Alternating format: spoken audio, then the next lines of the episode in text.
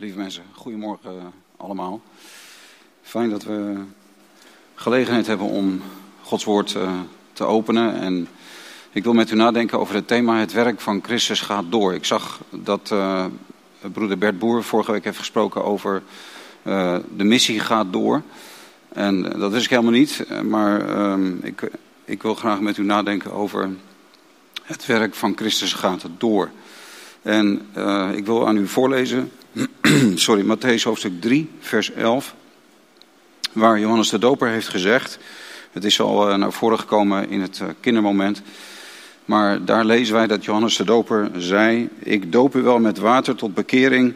Maar hij die na mij komt is sterker dan ik. Ik ben het niet waard hem zijn sandalen na te dragen. Hij zal u dopen met de Heilige Geest en met vuur. Johannes de Doper wijst op het werk van Christus en hij zegt, hij zal. Hij zal dit doen. En hij zal dit blijven doen. Nou, um, dat is het thema van uh, de prediking van vanmorgen. En ik zal straks nog een paar andere teksten aan u voorlezen die daarmee verband hebben. Maar eerst even nadenkend over Johannes de Doper en de Heer Jezus. En we moeten ons realiseren dat Johannes de Doper, dat hij um, niet uh, ja, de eerste, de beste was. Hij was natuurlijk een bijzondere profeet. Hij was een bijzondere man met een bijzondere roeping. Hij was de wegbereider van de Heer. En uh, de Heer Jezus sprak later ook zeer positief over Johannes de Doper. Uh, dat hij een groot man was. En toch, uh, Johannes de Doper, die legde helemaal niet de nadruk op hemzelf of op zijn, op zijn eigen werk. Hij zei, ja, ik doop u wel met water, dat is wel wat, wat ik doe. Ik doop u met water. En velen werden door Johannes de Doper gedoopt. Velen stroomden toe om door hem gedoopt te worden. Maar hij die na mij komt is sterker dan ik. Dus dit is hetzelfde als wat uh, de zuster vertelde ook aan de kinderen van Johannes de Doper. Die wees niet op zichzelf. Hij had het niet over zichzelf. Hij was niet vol van zichzelf.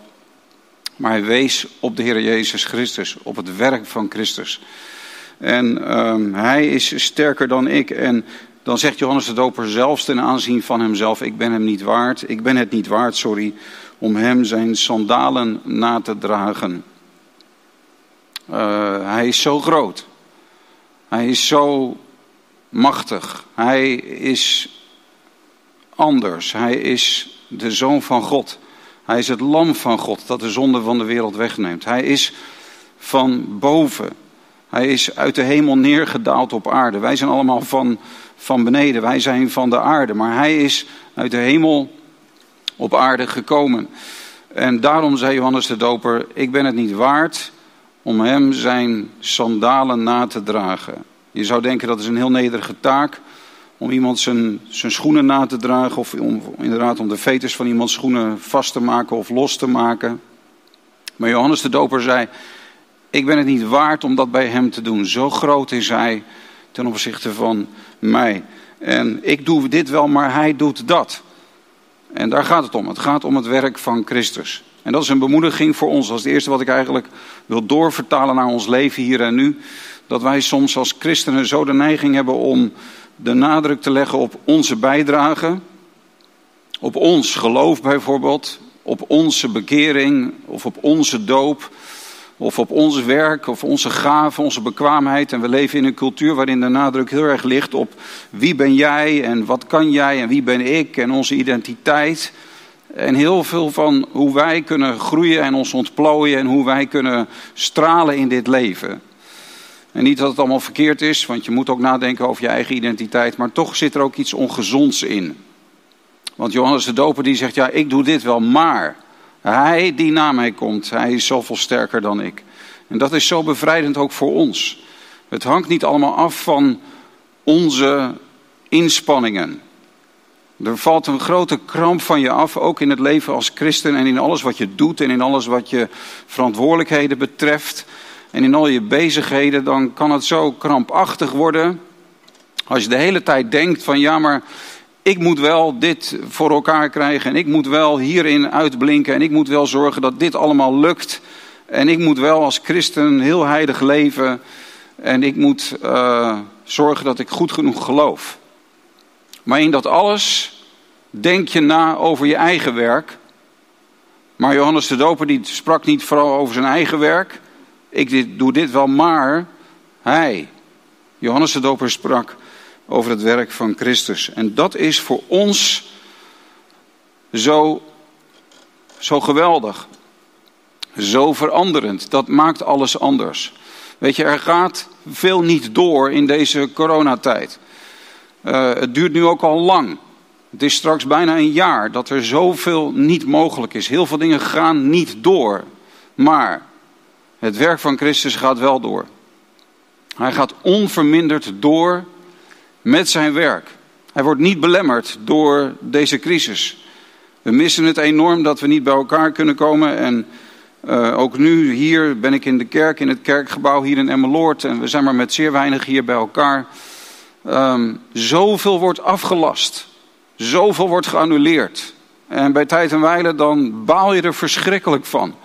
En we missen het ongelooflijk dat we niet bij elkaar kunnen komen. En zoveel dingen kunnen gewoon niet in deze tijd. Maar het werk van Christus gaat wel door.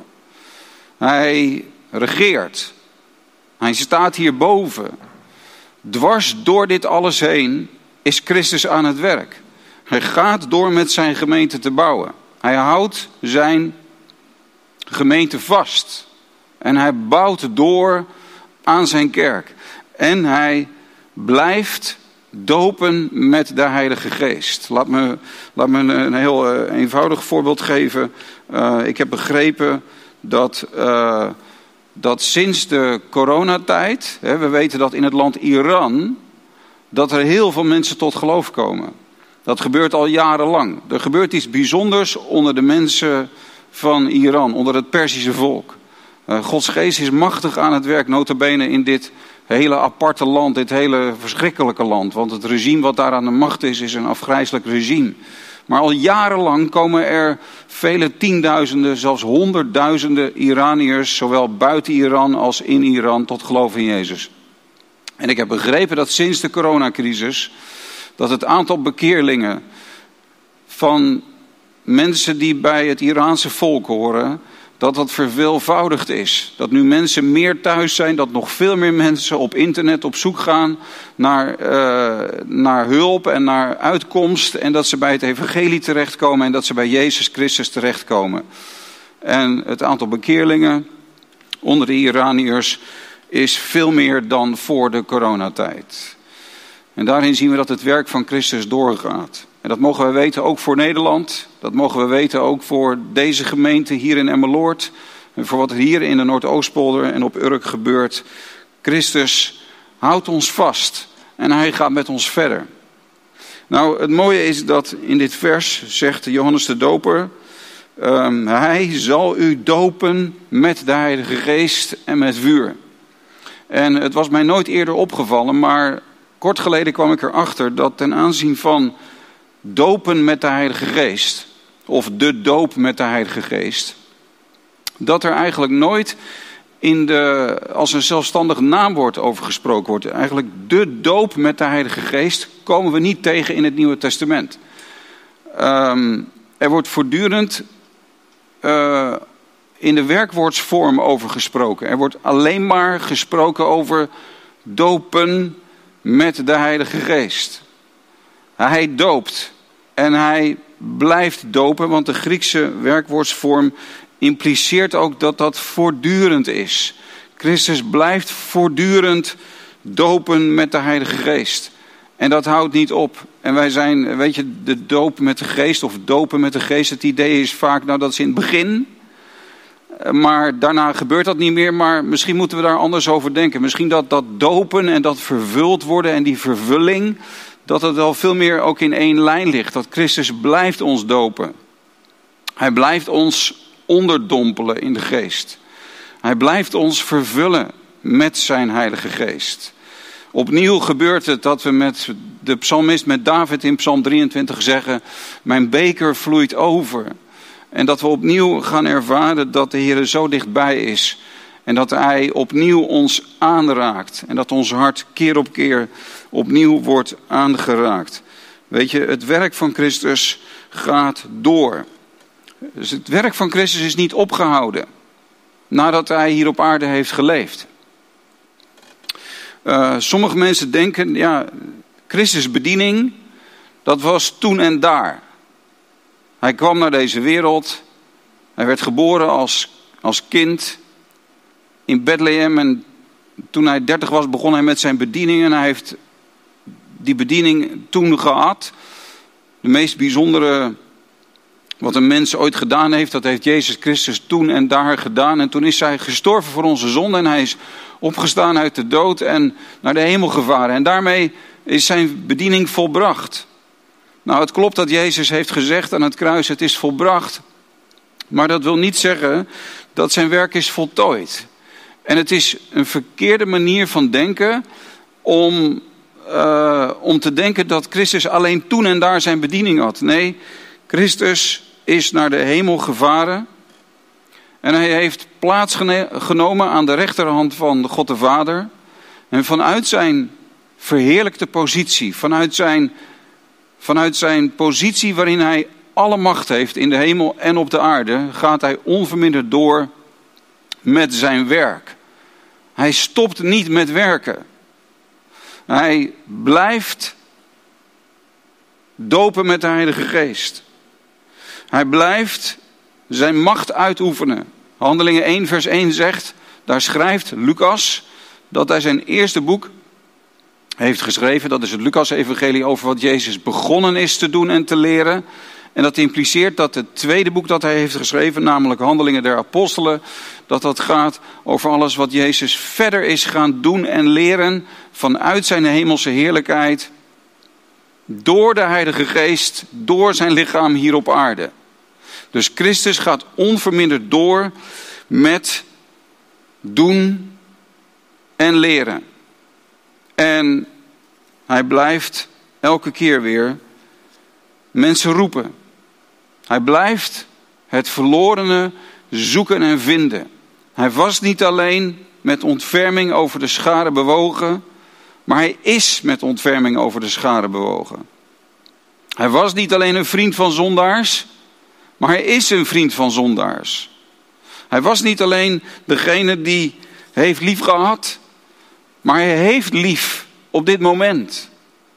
En dat is het mooie, dat als wij christen zijn, weet je, het is, het is tegenwoordige tijd. Het is niet alleen maar verleden tijd. We kijken niet alleen maar terug, maar het is ook hier en nu dat Christus zo machtig aan het werk is. Uh, John Owen heeft gezegd dat Christus stierf voor ons. Um, daarvan weten de meeste christenen. Uh, dat Christus stierf van het kruis. Daarvan weten de meeste christenen dat hij dat voor ons heeft gedaan. Dat Christus leefde in deze wereld. Um, daarvan weten de meeste christenen, daarvan beseffen de christenen wel dat dat voor ons is gebeurd. Dat hij toen voor ons stierf, dat hij toen voor ons heeft geleefd. Dat hij toen voor ons opstond uit de dood. John Owen was een puritein uit de 17e eeuw die zei: De meeste christenen beseffen wel dat, dat dat voor hen was. Maar, schrijft John Owen, dat Christus nu een heerlijk leven leidt in de hemel. Daarvan denken de meeste mensen dat dat alleen voor hemzelf is. Heeft u wel eens nagedacht over de betekenis van Jezus' leven nu in de hemel? in ongekende heerlijkheid, in overweldigende majesteit. De overwinning die hij heeft behaald, alles wat Jezus nu, wie hij is en wat hij heeft bereikt, wat hij heeft verdiend, heeft u wel eens nagedacht over de betekenis daarvan voor u en mij hier en nu. Het is niet alleen voor hemzelf dat hij deze positie heeft verkregen. Het is niet alleen, niet alleen dat hij nu in heerlijkheid is, maar dat is ook voor ons. Dat is wat hij voor ons betekent. Hij is als hoofd boven alles wat is, zegt Paulus in Efeze 1, vers, vers 23. Hij als hoofd boven alles wat is. Efeze 1, vers 22 is hij gegeven aan de gemeente. En we zingen het in een van de Johannes de Heerliederen. Volle bewustheid. Hij leeft voor mij. Christus leeft op dit moment voor mij. En hij werkt en hij doet en hij handelt en hij heeft zijn bediening en hij doopt en hij heeft lief en hij roept en hij is nabij. En hij doet al die dingen. Tientallen, honderden werkwoorden kunnen we gebruiken om het werk van Christus te duiden. En dat is voor ons van een enorme grote betekenis. Laat me nog een ander voorbeeld geven. In Romeinen hoofdstuk 8 heeft Paulus het ook over de blijvende bediening van Jezus Christus. Romeinen 8, vers 34. Wie is het die verdoemt? Christus is het die gestorven is, ja wat meer is, die ook opgewekt is, die ook aan de rechterhand van God is en die ook voor ons pleit. Tegenwoordige tijd. Christus pleit voor ons. Ik weet niet of ik eerder iets over verteld heb, maar mijn moeder is uh, afgelopen jaar overleden. Mijn moeder heeft het grootste gedeelte van, van mijn leven voor mij gebeden. Zij kwam tot levend geloof toen ik een jaar of tien, elf oud was. Toen is ze tot bekering gekomen, tot Christus gekomen. En ik ben een paar jaar later tot levend geloof gekomen. En ik weet dat mijn moeder veel voor mij heeft gebeden. Ook later toen ik geroepen werd en toen wij, toen mijn vrouw en ik, toen Loos en ik ook uh, voor de gemeente, in de gemeente gingen werken en voor het evangelie gingen werken, weet ik dat ze altijd achter ons heeft gestaan en ons heeft gesteund, vooral ook door voor ons te bidden. Mijn vrouw, mijn eigen vrouw Lois, is een biddende vrouw. Vooral de laatste, de laatste jaren, vooral, vooral de laatste vijf jaar, is mijn vrouw meer dan ooit een bidster geworden. En elke dag bidt zij. En ze neemt tijd om te bidden voor onze kinderen, voor velen die wij kennen, voor allerlei mensen die ze kent. En ze bidt ook voor mij. Mijn moeder en mijn vrouw, die, mijn moeder heeft altijd voor mij gebeden. Mijn vrouw die bidt voor mij. En dat, dat is onvoorstelbaar wat dat met je doet. Dat te weten. Wat een invloed dat heeft. Wat ik weet dat er heel veel gebeurd is in mijn leven vanwege deze biddende vrouwen. En er zijn er veel meer die, die bidden. En die ook voor ons bidden. En er zijn er ook vele die. Er zijn ook mensen die voor jou bidden, dat mag je weten. Maar het allermooiste is dat wij weten dat Christus voor ons bidt. Dat Hij voor ons pleit, tegenwoordige tijd. Dat Hij onze pleitbezorger is bij de Vader. Dat Hij onze voorspraak is. Dat Hij onze advocaat is. Dat Hij ons daar vrij spreekt. Dat Hij daar, Hij is degene die, die veroordeelt. Hij zal straks komen als rechter. Maar onze rechter is voor ons gestorven aan het kruis en opgewekt uit de dood. En Hij is nu aan de rechterhand van God. En hij pleit voor ons. Hij bidt voor ons. Hij, hij blijft die, um, die bediening uitoefenen. Dat werk van Christus gaat onverminderd door. En daar mogen wij in rusten. Wij rusten in het volbrachte werk van Christus, maar wij rusten ook in het tegenwoordige werk van Christus. En er zijn zoveel dingen waarvan we zeggen, ja heer, ik weet niet hoe het goed moet komen. Ik weet niet uh, hoe dat zou moeten lukken. Het is een grote verantwoordelijkheid. Ik kan dat helemaal niet. Maar dan mogen wij rusten in de wetenschap dat Christus ook vandaag, ook op deze zondagmorgen, te midden van deze coronacrisis, te midden van alles wat niet doorgaat, dat Christus tegen ons zegt: Ja, maar ik ben met je. Alle dagen mij is gegeven alle macht en ik zal het doen. Hij is het die ons vrij spreekt. Hij is het die ons blijvend vergeeft. Hij is het die ons blijvend bekrachtigt door de Heilige Geest.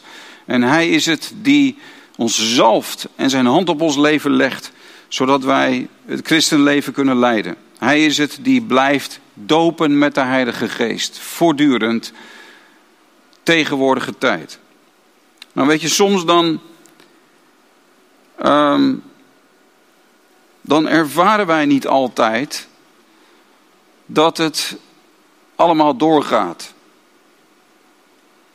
Soms dan lijkt het en dan voelen wij dat ons geloof heel erg verzwakt.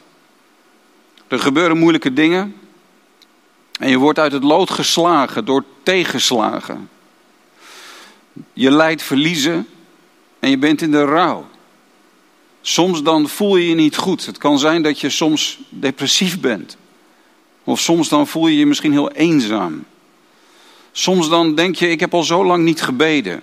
Ik heb al zo lang niet in de Bijbel gelezen. Het is al zo lang geleden dat, dat ik diep ben aangeraakt door, door Gods woord of door een preek of door een goed boek. Of door een lied. Soms dan denk je dat het vuur in je hart uitdooft. En dan vraag je je af, hoe gaat het eigenlijk met mezelf en hoe gaat het eigenlijk met mijn geloof? En dan, als je dan ook aan jezelf denkt, dan heb je de neiging om heel negatief te denken. En dan denk je, nou ja, ik eh, ben eigenlijk uh, aan het afvallen, ik ben een afvallige en uh, het, gaat niet goed, het gaat niet goed met mij. En soms dan, dan voelen wij niet altijd dat Christus bij ons is. Weet je, ons geloof is soms met ups en downs. En we zijn niet altijd even sterk in geloof. En toch mogen wij weten dat Christus ons vasthoudt. Christus houdt ons vast. En hij zorgt ervoor dat dat vuur brandend blijft diep van binnen. In het boek van John Bunyan, De Christenreis, daar wordt dat heel mooi uitgelegd. Uh, Christen gaat op weg. Hij verblijft in de stad van het verderf en hij beseft dat hij daar weg moet trekken, dat hij weg moet gaan uit, uit dat verdorven leven, uit die verdorven manier van denken. En dan gaat hij op reis, op weg naar de eeuwige stad. En dan wordt hij een pelgrim, dan wordt hij christen, hij wordt een discipel, een volgeling van Jezus. En dan gaat hij die weg volgen en dan komt hij in het huis van uitlegger. En in het huis van uitlegger krijgt hij allerlei dingen te horen en te zien. En dan op een gegeven moment dan neemt uitlegger hem mee in een kamer. En dan komt uh, Christen komt in die kamer en dan ziet hij uh, tegen de wand ziet hij een, uh, een open haard waar een vuur in brandt. En dan ziet hij dat dat vuur brandt, maar naast die open haard staat een man met een grote kruik met water. En die is bezig om water uit te gieten over dat vuur. En die is aan het proberen om dat vuur uit te doven. Maar het gekke is dat dat vuur niet uitdooft. Het vreemde is dat dat vuur gewoon doorbrandt. Sterker nog, dat het nog heftiger, nog feller gaat branden. En dan begrijpt, uitleg, dan begrijpt Christen dat niet. En dan zegt hij tegen uitlegger, hoe kan het nou dat ondanks dat water dat dat vuur blijft branden? En dan zegt de uitlegger, nou kom maar even mee. En dan neemt uitlegger hem mee naar achter die wand waar die open haard tegenaan staat. En dan ziet Christen dat aan de achterkant van die muur, dat daar een andere man staat met een kruik met olie. En die is bezig om olie uit te gieten op dat vuur. En dat is een beeld van de Heer Jezus Christus. Hij blijft olie op het vuur gooien, in de positieve zin, waardoor het vuur van het geloof, waardoor het werk van genade in het hart doorgaat. Het vuur blijft branden. En soms dan, dan zien wij Christus niet.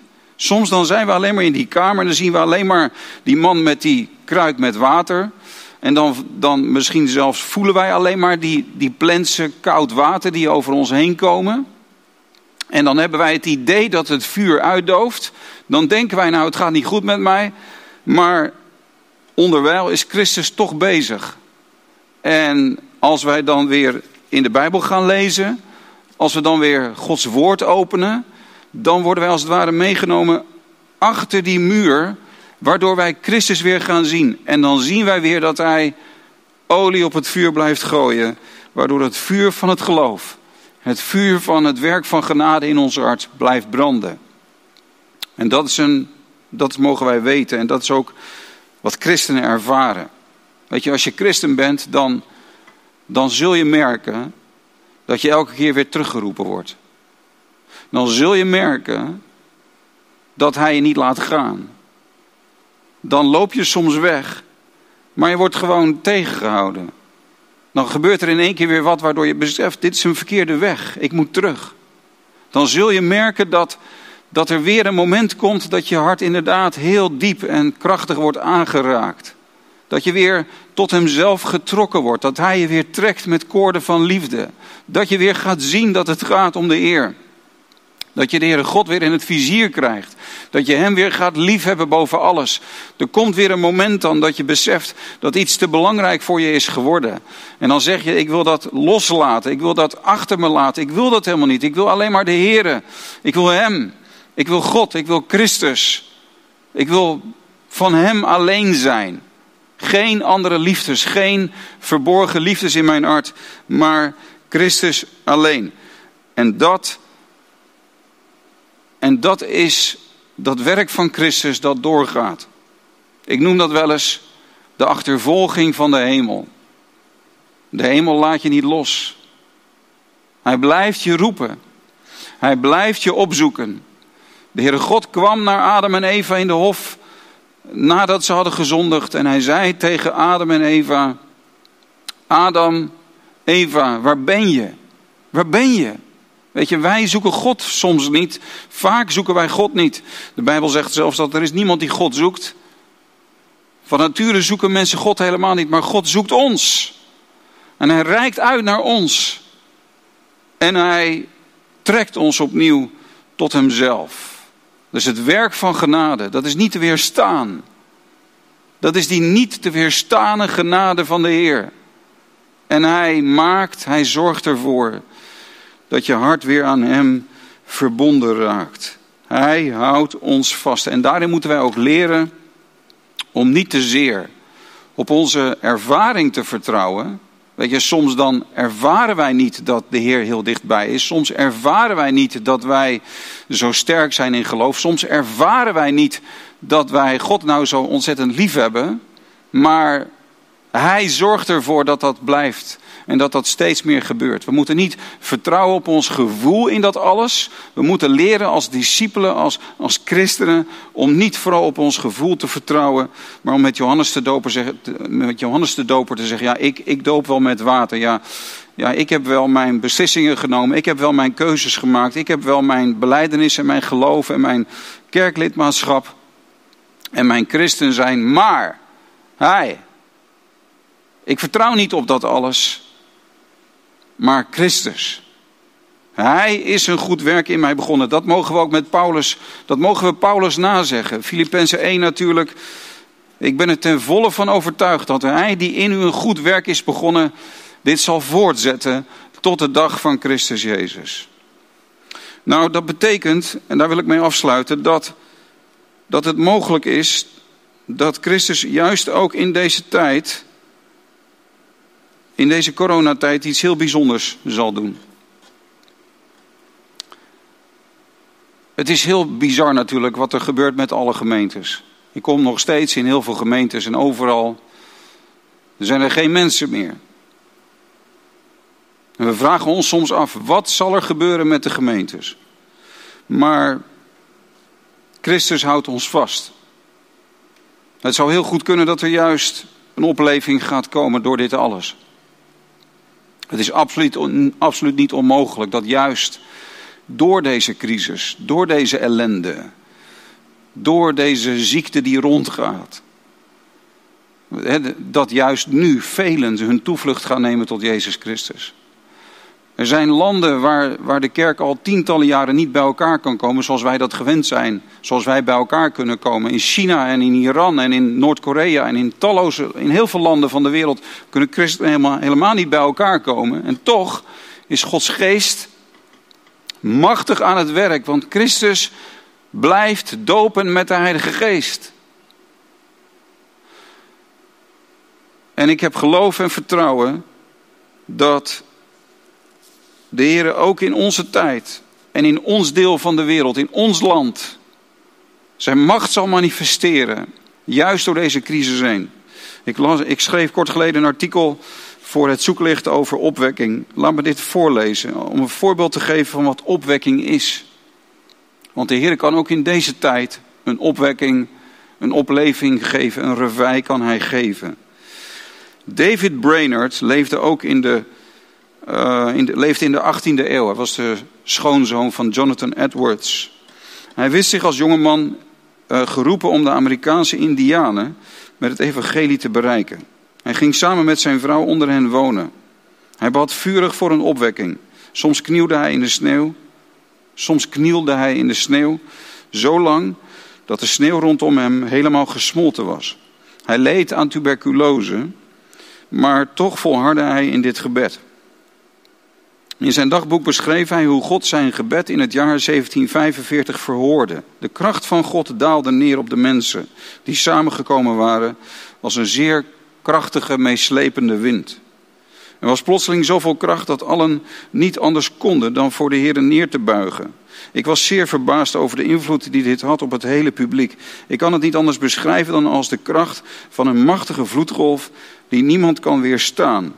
Bijna iedereen, mensen van allerlei leeftijden, bogen neer en raakten vervuld met diepe zorg voor hun eigen relatie met God en voor elkaar. Bijna niemand was in staat om de schok van wat God aan het doen was te weerstaan. Dit is wat David Brainerd schreef. Hij bad en plotseling daalde de kracht van God neer. Het was een vloedgolf die over de mensen kwam. En tot twee keer toe schrijft hij: niemand kon het weerstaan. Het was niet te weerstaan wat er gebeurde. Ik heb ook de dagboeken van George Whitfield, van de evangelist George Whitfield gelezen. Hij predikte meestal in de open lucht, omdat hij en andere evangelisten van die tijd uit de meeste kerken in Engeland werden gegooid. Tienduizenden stroomden samen om in de buitenlucht naar de predikers te luisteren. Whitfield schreef vaak in zijn dagboek: Plotseling daalde de Heer in ons midden neer. Iedereen wist zich bewust van zijn aanwezigheid. Hij mat het besef van Gods aanwezigheid ook af aan hoe stil het werd onder de mensen. Terwijl er soms meer dan 30.000 bij elkaar waren, werd het uitermate stil in deze mensenmassa. Omdat mensen in hun hart werden stilgezet bij Gods liefde en genade. En bij de beschrijving van wat er aan het kruis voor hen was gedaan. Een opwekking is dus niet een, een oppepping tot opwinding, maar een opwekking is nuchter en geestelijk. En ten diepste komt een opwekking voort uit het werkelijk horen van Gods woord. Het werkelijk horen van het evangelie. Plotseling daalde de Heer in ons midden neer. En dat is de doop met de geest. Dat is het dopen met de geest. Want de geest betekent Immanuel. God met ons. En ik hoop dat ik u heb kunnen bemoedigen deze morgen dat wij op Christus mogen zien. Als we op onszelf zien, dan worden we onzeker en dan kunnen we bang worden. Maar als we op Christus zien, dan vatten we moed. Want Hij zegt, ik ben bij je. En Hij zegt, het werk dat, ik in je ben begonnen, dat zet ik voort. Tot de dag die gaat komen. Halleluja. Laten we samen de Heer danken voor zijn geweldige genade. Heren, we zijn u dankbaar voor uw trouw. We zijn u dankbaar, Heer, dat u, dat u ons heeft aangeraakt, ons heeft geroepen, ons heeft getrokken. We prijzen uw naam voor de doop met de Heilige Geest, het dopen met de Heilige Geest. Heer, we zijn u zo dankbaar voor uw um, bemoeienis met ons. En dat u erbij bent. Dank u wel dat u vuur geeft, diep van binnen. Een vuur dat blijft branden. En dan, Heer, dat vragen we ook. Laat ons hart vervuld zijn met een heilig vuur voor u. Dank u wel dat, dat ondanks ons falen en onze zonden en onze zwakte en onze, onze beperkingen, ondanks onze kwetsbaarheden, Heer, dat u doorgaat. Dat u zich niet van ons afkeert.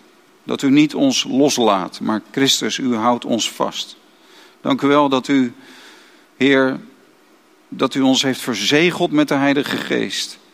Waardoor wij zeker weten dat we, op, dat we op onze bestemming zullen aankomen. Dat we de overkant zullen bereiken. We danken u, Heer, dat we veilig in uw armen zijn. Veilig in Jezus' armen.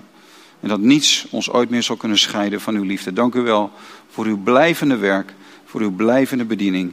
Geprezen zij uw naam. Halleluja. Amen. We gaan samen zingen.